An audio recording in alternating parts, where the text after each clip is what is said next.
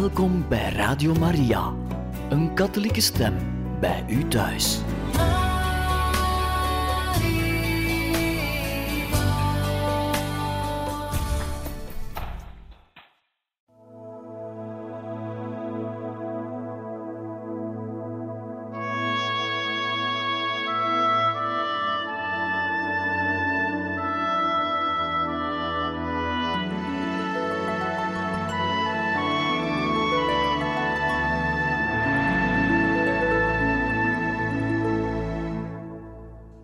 Beste luisteraars van Radio Maria. In dit programma lezen wij verder voor uit het boek Don Bosco van Teresio Bosco. En we zijn gekomen bij hoofdstuk 32, 1854. Wij zullen ons Salesianen noemen, bij het onderwerp Wat betaal je me? In Avigliana woonde een priester die drie jaar ouder was dan Don Bosco. Zijn naam luidde Vittorio Alassonati. Don Bosco had hem vaak ontmoet in de dertigdaagse retrette van Sint Ignatius. En ze waren bevriend geraakt. Don Alassonati was in Avigliana schoolmeester en hij kon goed met de jongetjes opschieten. Hij was misschien een stikje streng en eiste een zekere ernst, maar de kinderen hielden veel van hem. Meermaals had Don Bosco schertsend tegen hem gezegd: Hoeveel jongens heb je? Dertig. En schaam je je niet? Ik heb er zeshonderd. Hoe kun je nou maar voor dertig jongens werken?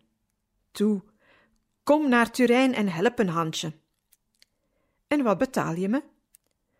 Brood, werk en het paradijs. Lires kun je bij mij niet veel verdienen, maar in je slaap mag je zoveel opsparen als je wilt. Scherts of geen scherts, Don Alassonati begon er in alle ernst over te denken. Don Bosco voelde dat aan en in de eerste maanden van 1854 schreef hij hem een brief waarin hij enkel dit zei: Kom mij mijn brevier helpen bidden. Op 14 augustus kwam Don Alassonati na alles geregeld te hebben, met een koffertje in zijn hand en een brevier onder zijn arm in het patronaat aan. Hij omhelsde Don Bosco en zei: Hier ben ik dan. Waar moet ik gaan zitten om mijn brevier te bidden? Don Bosco bracht hem naar de kamer die voor de boekhouding bestemd was. Hier, dit is je rijk. Jij hebt zoveel rekenles gegeven dat je het met optellen en aftrekken zeker zult rooien. Don Alassonati werd ernstig. Van nu af geef jij bevelen en ik gehoorzaam. En spaar me niet, want ik wil het paradijs verdienen. Sinds die dag was Don Alassonati de stille en wat strenge schaduw van Don Bosco. Hij nam hem alle mogelijke werk uit handen. Het algemeen beheer van het huis, de assistentie, de boekhouding, de leerlingenlijsten en de vervelende en lastige correspondentie. Wanneer hij moe was en later, toen zijn gezondheid achteruit ging, legde hij in zijn brevier een briefje bij wijze van promemorie met de woorden: Vittorio, waarom ben je hier gekomen? En daarnaast schreef hij een zinnetje dat Don Bosco vaak tegen zijn medewerkers zei als ze moe waren: Rusten doen we in het paradijs. De dag na zijn aankomst moest Don Alassonati zijn taak in Valdocco op een nogal ongewone manier beginnen. Hij werd geroepen om een cholera-leider te helpen. In Turijn was plotseling een cholera-epidemie uitgebroken. De dood in de straten van Borgodora. Het vreselijke nieuws bereikte Turijn in juli. De cholera had Ligurië getroffen en in Genua 3000 slachtoffers gemaakt. De eerste gevallen werden in Turijn op 30 en 31 juli geconstateerd. De koning, koningin en het koninklijk huis vertrokken in gesloten rijtuigen. Ze namen hun toevlucht in het kasteel van Castellet op een splitsing van de dalen van Lanzo en Susa. Het centrum van de besmettelijke ziekte was Borgo d'Ora, een paar stappen van Valdocco verwijderd. Daar woonden de immigranten, ondervoede en van hygiëne verstoken lieden in barakken en armzalige huizen bij elkaar. In een maand tijd waren er 800 zieken, van wie er 500 stierven. Burgemeester Notta deed een beroep op de inwoners van de stad. Er waren dappere mannen nodig om de zieken bij te staan, ze naar de hospitalen te brengen en zo te verhinderen dat de besmetting zich als een olievlek zou uitbreiden. Op 5 augustus, de feestdag van Onze Lieve Vrouw ter Sneeuw, sprak Don Bosco zijn jongens toe. En hij begon met een belofte. Als jullie allen in staat van genade zult leven en geen doodzonde zult doen, verzeker ik jullie dat niemand van jullie cholera zal krijgen. En toen kwam de vraag: Jullie weten dat de burgemeester een oproep heeft gedaan. Er zijn ziekenoppassers en helpers nodig om de cholera-leiders te verzorgen. Vele van jullie zijn nog te klein. Maar als iemand onder de grote er iets voor voelt met mij naar de hospitalen en de huizen te gaan, zullen we samen een goed en God welgevallig werk doen. Diezelfde avond nog boden zich veertien jongens aan. Een paar dagen later slaagden nog dertig erin toestemming te krijgen en zich bij de anderen aan te sluiten, hoewel ze nog erg jong waren. Het waren dagen van hard en onaangenaam werk. De artsen gaven de raad de benen van de zieke te masseren, om zodoende het zweten te bevorderen. De jongens waren in drie groepen ingedeeld. De oudste werden de hele tijd ingezet in de hospitalen en in de huizen van de slachtoffers. Een tweede groep liep de straten af om te achterhalen of er nieuwe zieken waren. Een derde groep, dat waren de kleinste, bleef in het patronaat en wachtte daar op een oproep.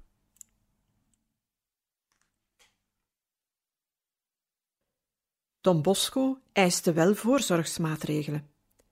Iedereen had een flesje azijn op zak en moest daarmee, telkens als hij een zieke aangeraakt had, zijn handen wassen.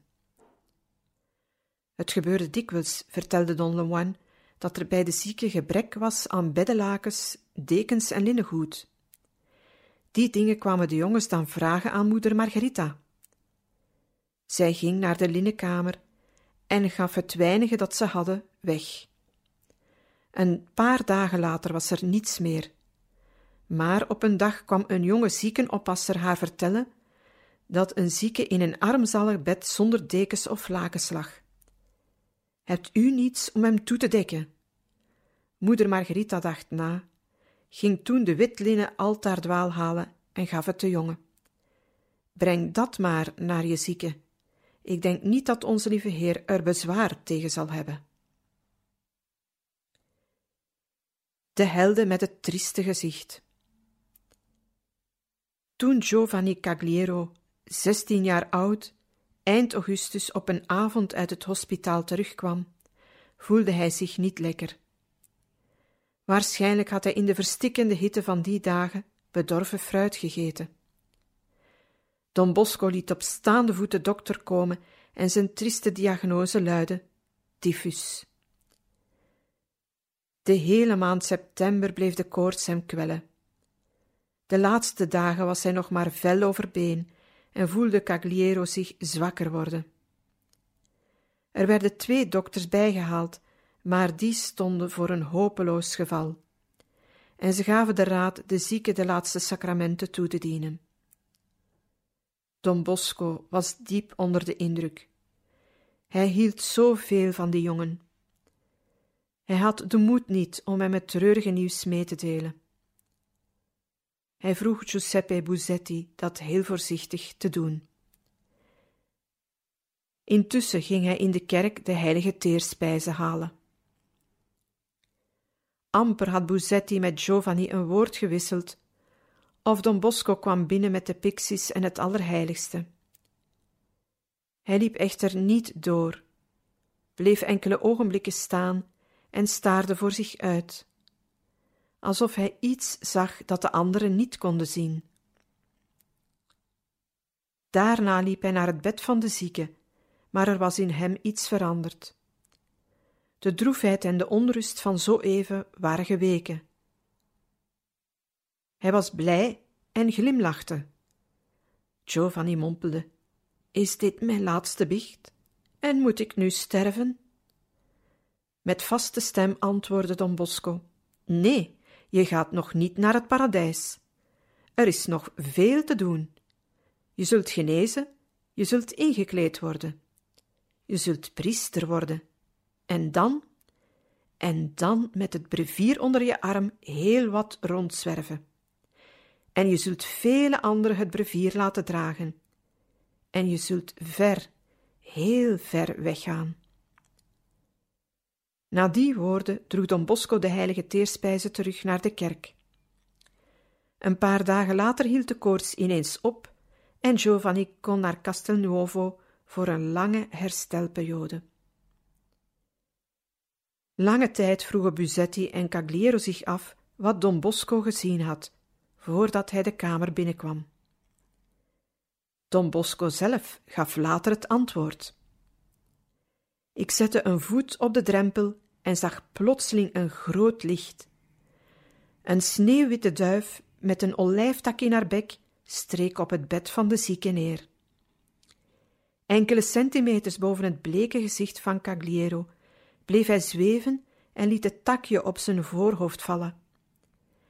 Meteen daarna schenen de wanden van de kamer open te breken, en ik zag verre, geheimzinnige horizonten. Rondom het bed verschenen een aantal vreemde, primitieve figuren. Het leken wilde reuzen. Sommigen hadden een donkere huid met geheimzinnige roodachtige strepen getatoeëerd. Twee van die reuzen bogen zich met hun woest, maar triestig gezicht over de zieke heen en begonnen bevend te lispelen. Als zij sterft, wie moet ons dan helpen? Het visioen was heel kort, maar ik wist nu zeker dat Cagliero genezen zou.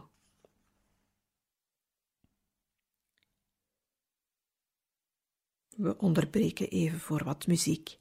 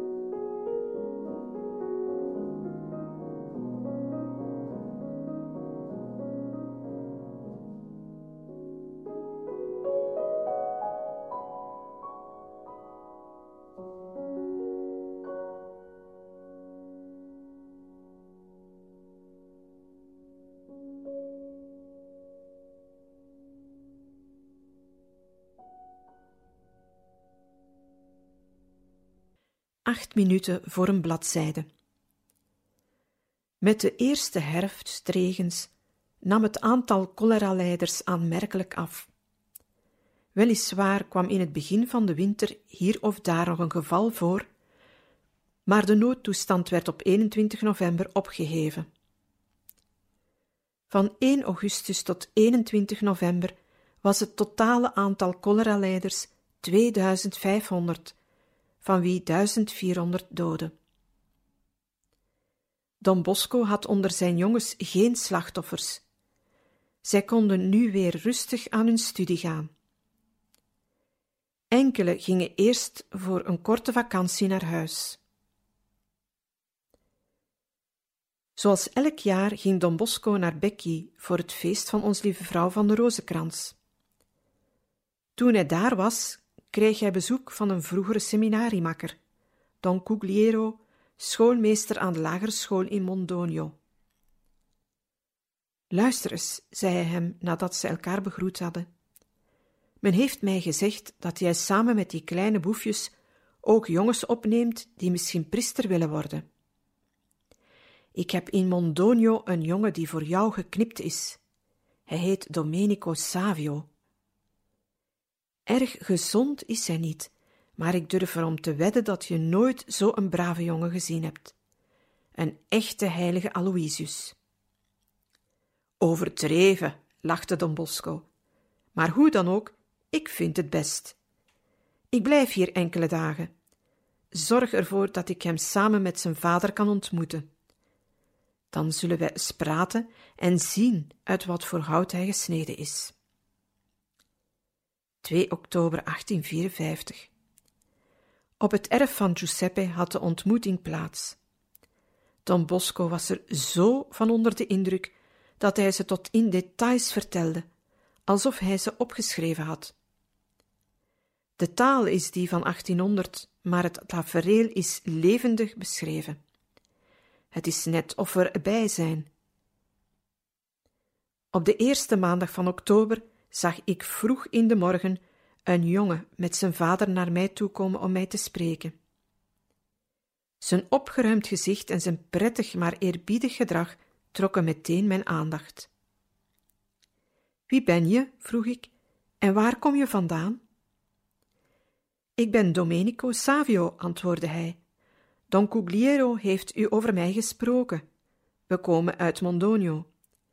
Ik nam hem even apart en praatte met hem over de studie die hij gedaan had en over wat hij tot nu toe had uitgevoerd. Wij hadden heel gauw vertrouwen in elkaar, hij in mij en ik in hem. Ik zag in die jongen een geestesgesteldheid helemaal naar de zin van de Heer, en ik was erg verbaasd over wat de goddelijke genade in zo'n jong leven verwezenlijkt had. Na een vrij lang gesprek zei hij me, nog voordat ik zijn vader riep, letterlijk: Welnu, wat denkt u? Neemt u mij mee naar Turijn om te studeren? Ja, ik denk dat de stof goed is. En waarvoor kan die stof dienen? Om er een prachtig kleed van te maken voor de Heer. Goed, dan ben ik de stof en u bent de kleermaker. U neemt mij dus mee en maakt van mij een mooi kleed voor de Heer. Maar wat wil je worden als je je studie beëindigd hebt? Als de Heer mij de genade zou willen schenken, zou ik graag priester worden. Goed, nu wil ik even nagaan of je genoeg studieaanleg hebt. Neem dit boekje. Het was een aflevering van de katholieke lectuur. Leer deze bladzijde vandaag uit je hoofd en kom ze mij morgen opzeggen. Na deze woorden liet ik hem spelen, terwijl ik met zijn vader ging praten. Er waren nog geen acht minuten voorbij, of Domenico Savio kwam lachend op me af en zei: Als u het goed vindt, zeg ik die bladzijde nu op. Ik nam het boek en stelde tot mijn niet geringe verbazing vast dat hij de aangeduide bladzijde niet slechts van buiten geleerd had, maar ook heel goed de inhoud van de bladzijde had begrepen. Bravo, zei ik hem, jij hebt de bestudering van die bladzijde vervroegd. dan zal ik mijn antwoord eveneens vervroegen. Ik zal je naar Turijn meenemen en van nu af ben je onder mijn dierbare jongens opgenomen. Vraag van nu af God dat Hij mij en jou mogen helpen zijn heilige wil te volbrengen. Niet wetend hoe hij zijn vreugde en dankbaarheid beter moest uitdrukken, greep hij mijn hand, drukte ze, kuste ze meermaals en zei tenslotte: Ik hoop mij zo te gedragen dat u nooit over mij behoeft te klagen. Toen Don Bosco aan de woorden van Don Cugliero dacht, moest hij erkennen dat hij niet overdreven had. Als de heilige Aloysius in het heuvelland van Monferrato als boerenzoon geboren was, zou hij in niets verschild hebben van die glimlachende jongen, die een mooi kleed wilde worden om het de Heer aan te bieden. Een geheimzinnige spreuk. Toen Giovanni Cagliero in die dagen voor zijn herstel in Castelnuovo verbleef, beging hij een onvoorzichtigheid. Hij at overvloedig druiven. Het was de tijd van de wijnoogst. En de koorts steeg weer. Don Bosco hoorde het en ging hem opzoeken. De wanhopige moeder zei tegen Don Bosco: Mijn Giovanni is er erg aan toe. Hij eilt en praat over het priesterkleed aantrekken, terwijl de koorts hem sloopt. Nee, mijn beste Teresa, uw zoon eilt niet. Maak zijn toog maar gereed. Hij zal die in de maand november in het patronaat aantrekken. De koorts zal hem niet wegnemen. Hij heeft hier nog zoveel te doen. En zo gebeurde het ook. Op 22 november, het feest van de heilige Cecilia, trok Giovanni Cagliero, volledig hersteld, het priesterkleed aan. De rector van het seminarie, kanuniek Fogliotto, stond de priesterstudent Cagliero toe de lessen op het seminarie te volgen, al bleef hij bij Don Bosco inwonen. Intussen was Domenico Savio op 29 oktober in het patronaat aangekomen. Hij werd met zijn vader naar de kamer van Don Bosco gebracht en zag daar onmiddellijk aan de wand een groot stuk papier met de voor hem geheimzinnige woorden Da mihi animas cetera tolle. Toen zijn vader vertrokken was en hij zijn eerste aarzeling overwonnen had, vroeg hij Don Bosco wat die woorden daar aan de wand betekenden. Don Bosco hielp hem de tekst te vertalen. O Heer, geef mij zielen en neem de rest weg. Die spreuk had Don Bosco voor zijn apostolaat gekozen. Toen Domenico Savio het begrepen had, al dus vertelt Don Bosco, bleef hij een ogenblik in gedachten staan kijken en zei toen: Ik heb het begrepen. Hier wordt geen handel in geld gedreven, maar in zielen. Ik hoop dat mijn ziel ook van deze handel deel zal uitmaken. Zo begon voor Domenico het leven van alle dag. Misschien sloeg ook hij een soldatenmantel om en elke morgen ging hij samen met de door Rua begeleide groep naar de school van Bonzanino. En hij kende het wat grauwe dagprogramma van iedere student: huiswerk, lessen, klas, boeken, makkers. Don Bosco volgde hem op de voet en schreef over hem. Vanaf de dag van zijn intrede bij ons legde hij bij het nakomen van zijn verplichtingen een stiptijd aan de dag die nauwelijks te overtreffen is. We onderbreken hiervoor wat muziek.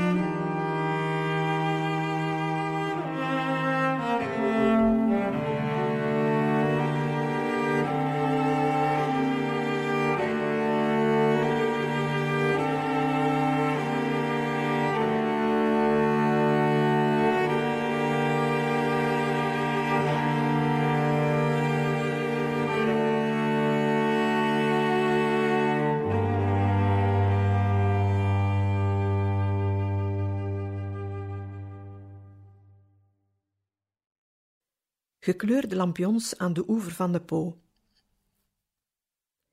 Eind november heerste er in het patronaat een aparte sfeer. Het was het begin van de novene van de onbevlekte maagd.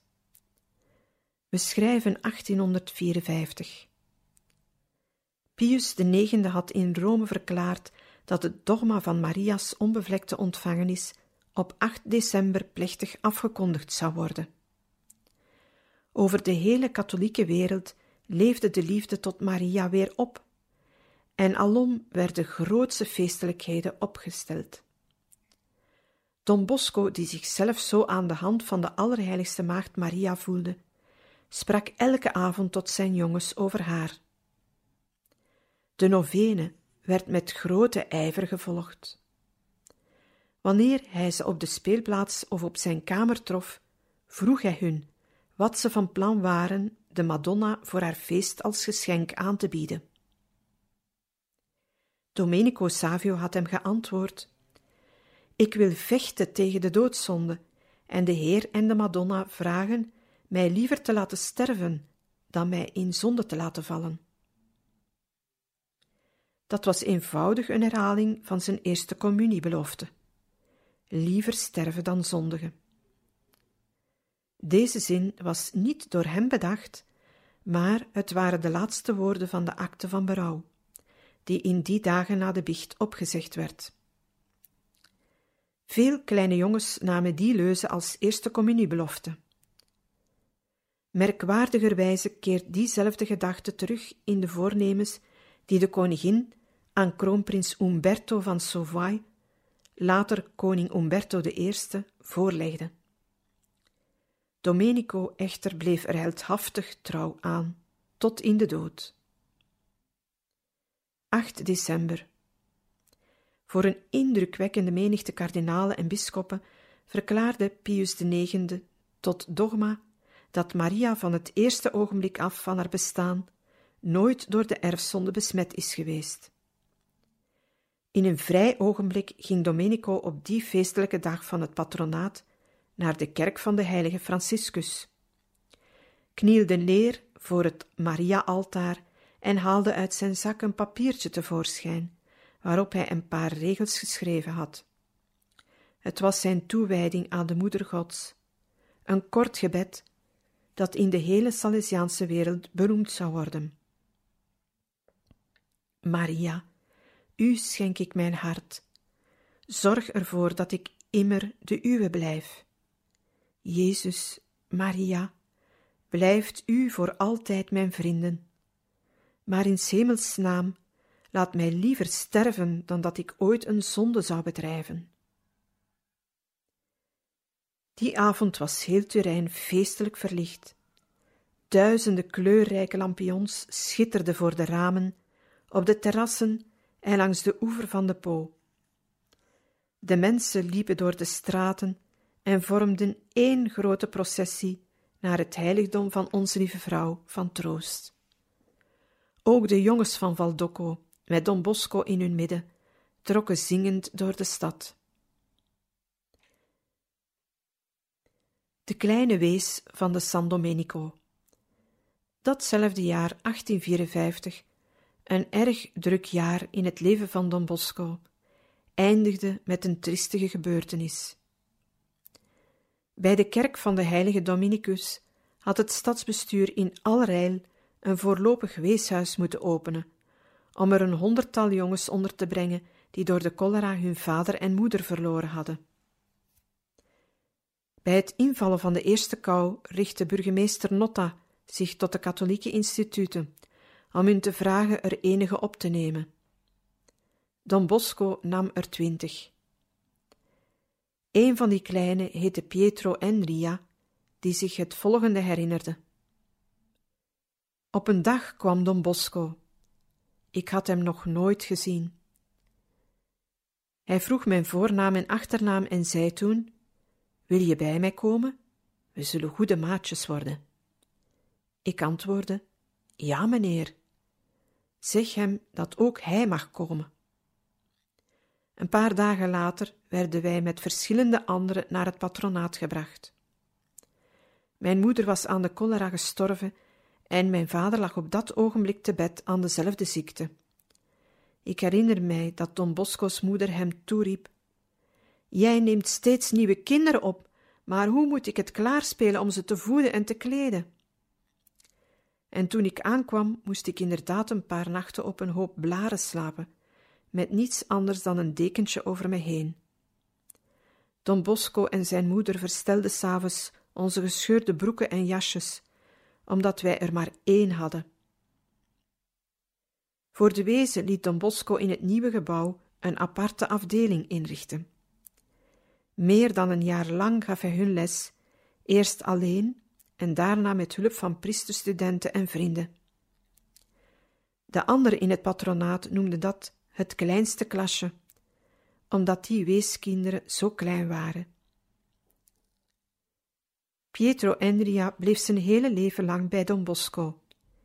Hij was degene die hem als een zoon in zijn laatste ziekte zou bijstaan en hem de ogen zou sluiten. Naast zoveel ellende die de cholera voor de stad met zich had gebracht, was er voor het patronaat ook een goede kant aan. Door de edelmoedige hulp van de jongens aan de cholera-leiders had de burgerij hen leren kennen en waarderen. De burgemeester sprak in het openbaar zijn lof uit, en dat bezorgde hun een goede naam bij de overheid. Het is bijna niet te geloven dat van de jongens van Don Bosco niemand door de cholera werd aangetast, hoewel zij voortdurend gevaar liepen besmet te worden. Dat bracht de mensen aan het denken, en zij namen de woorden van die rare Don Bosco met meer ernst op. We onderbreken hier even voor wat muziek.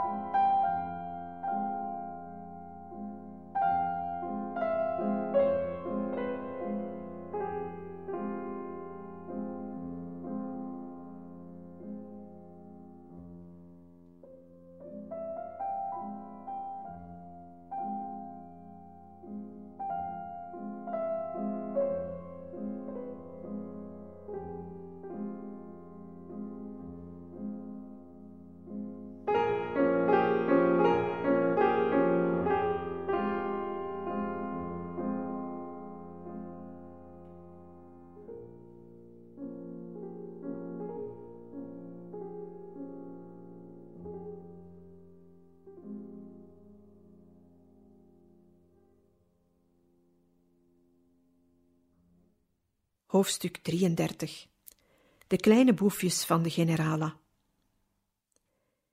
In 1855 ontstond er een nieuw, heftig conflict tussen staat en kerk.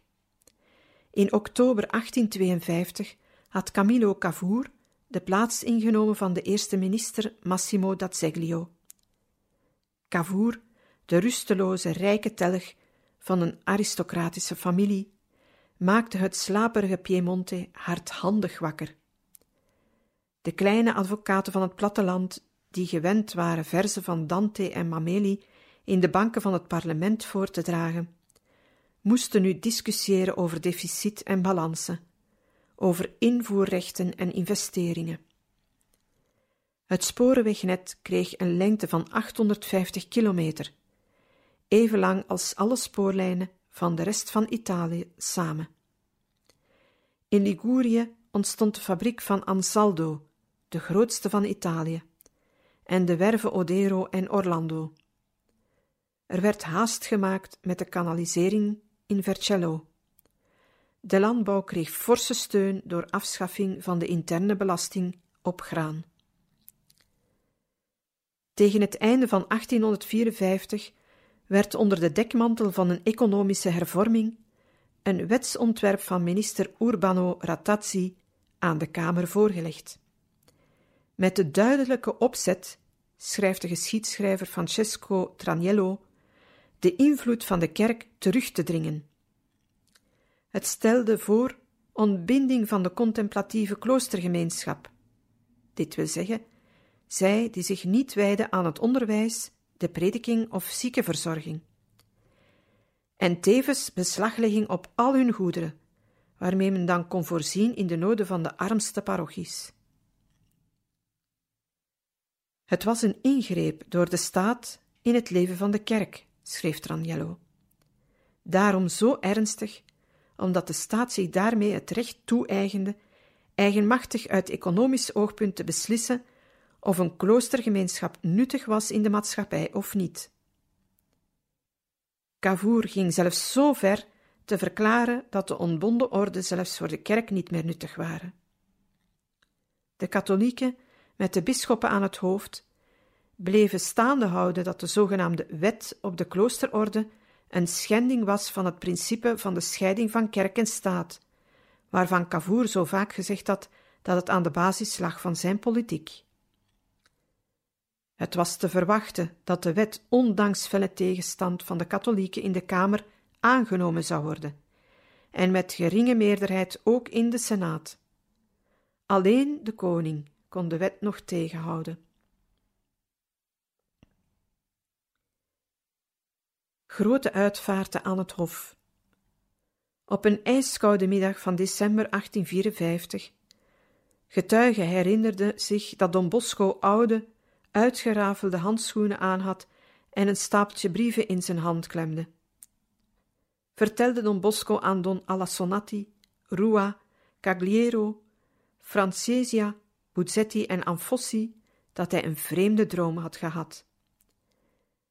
Hij stond op de speelplaats en opeens zag hij een lakij in rode kleren die riep: Grote begrafenis aan het hof, plechtige begrafenis aan het hof.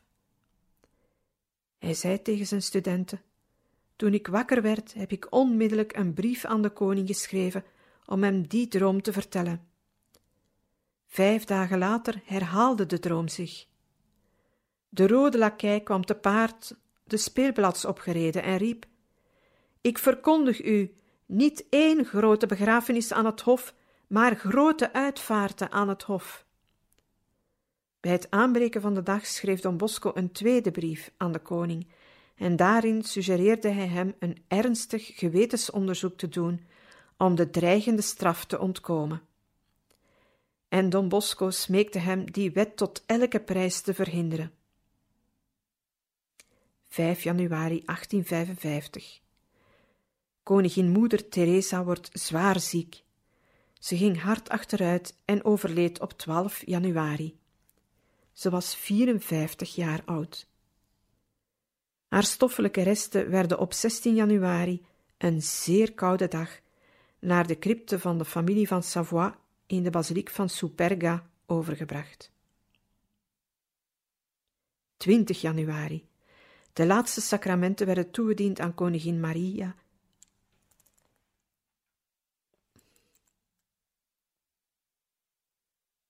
...20 januari. De laatste sacramenten werden toegediend aan koningin Maria Adelaida, echtgenote van de koning. Twaalf dagen tevoren had zij het leven geschonken aan een zoon, en zij kwam dat niet te boven. Zij overleed dezelfde dag, pas 33 jaar oud. 11 februari. Na twintig dagen zware ziekte stierf prins Ferdinando van Savoie, graaf van Genua en broer van de koning. Hij was 33 jaar. De priesterstudenten van het patronaat, zij alleen waren op de hoogte van de dromen en van de brieven van Don Bosco aan de koning, stonden versteld over het snelle uitkomen van Don Bosco's voorspellingen. Zo schrijft Don de Moine. Zelfs in de tijd van de epidemie waren er in één maand tijd geen drie koninklijke begrafenissen geweest. Don Francesia vertelde dat koning Vittorio Emanuele, tweede, tweemaal naar het patronaat gekomen was om met Don Bosco te praten en dat hij woedend op hem was. Hoe dan ook, de opheffingswet werd in de Kamer goedgekeurd. 94 stemmen tegen 23. En in de Senaat 53 tegen 42. De koning ondertekende haar op 29 mei. Op grond van cijfers die door Don Lemoine zijn verstrekt, kunnen we zeggen dat 334 kloosters met 5456 leden opgeheven werden. In Rome werd de volledige excommunicatie, die uitsluitend door de paus kan worden opgeheven, uitgesproken tegen de makers, de voorstanders en de uitvoerders van de wet. Intussen stierf op 17 mei de laatste zoon van de koning, Vittorio Emanuele Leopoldo, toen hij amper vier maanden oud was. Don Bosco mocht dan een heilige of een ongeluksbode genoemd worden. Dat hangt van het uitgangspunt af, maar hij had helaas precies voorzien.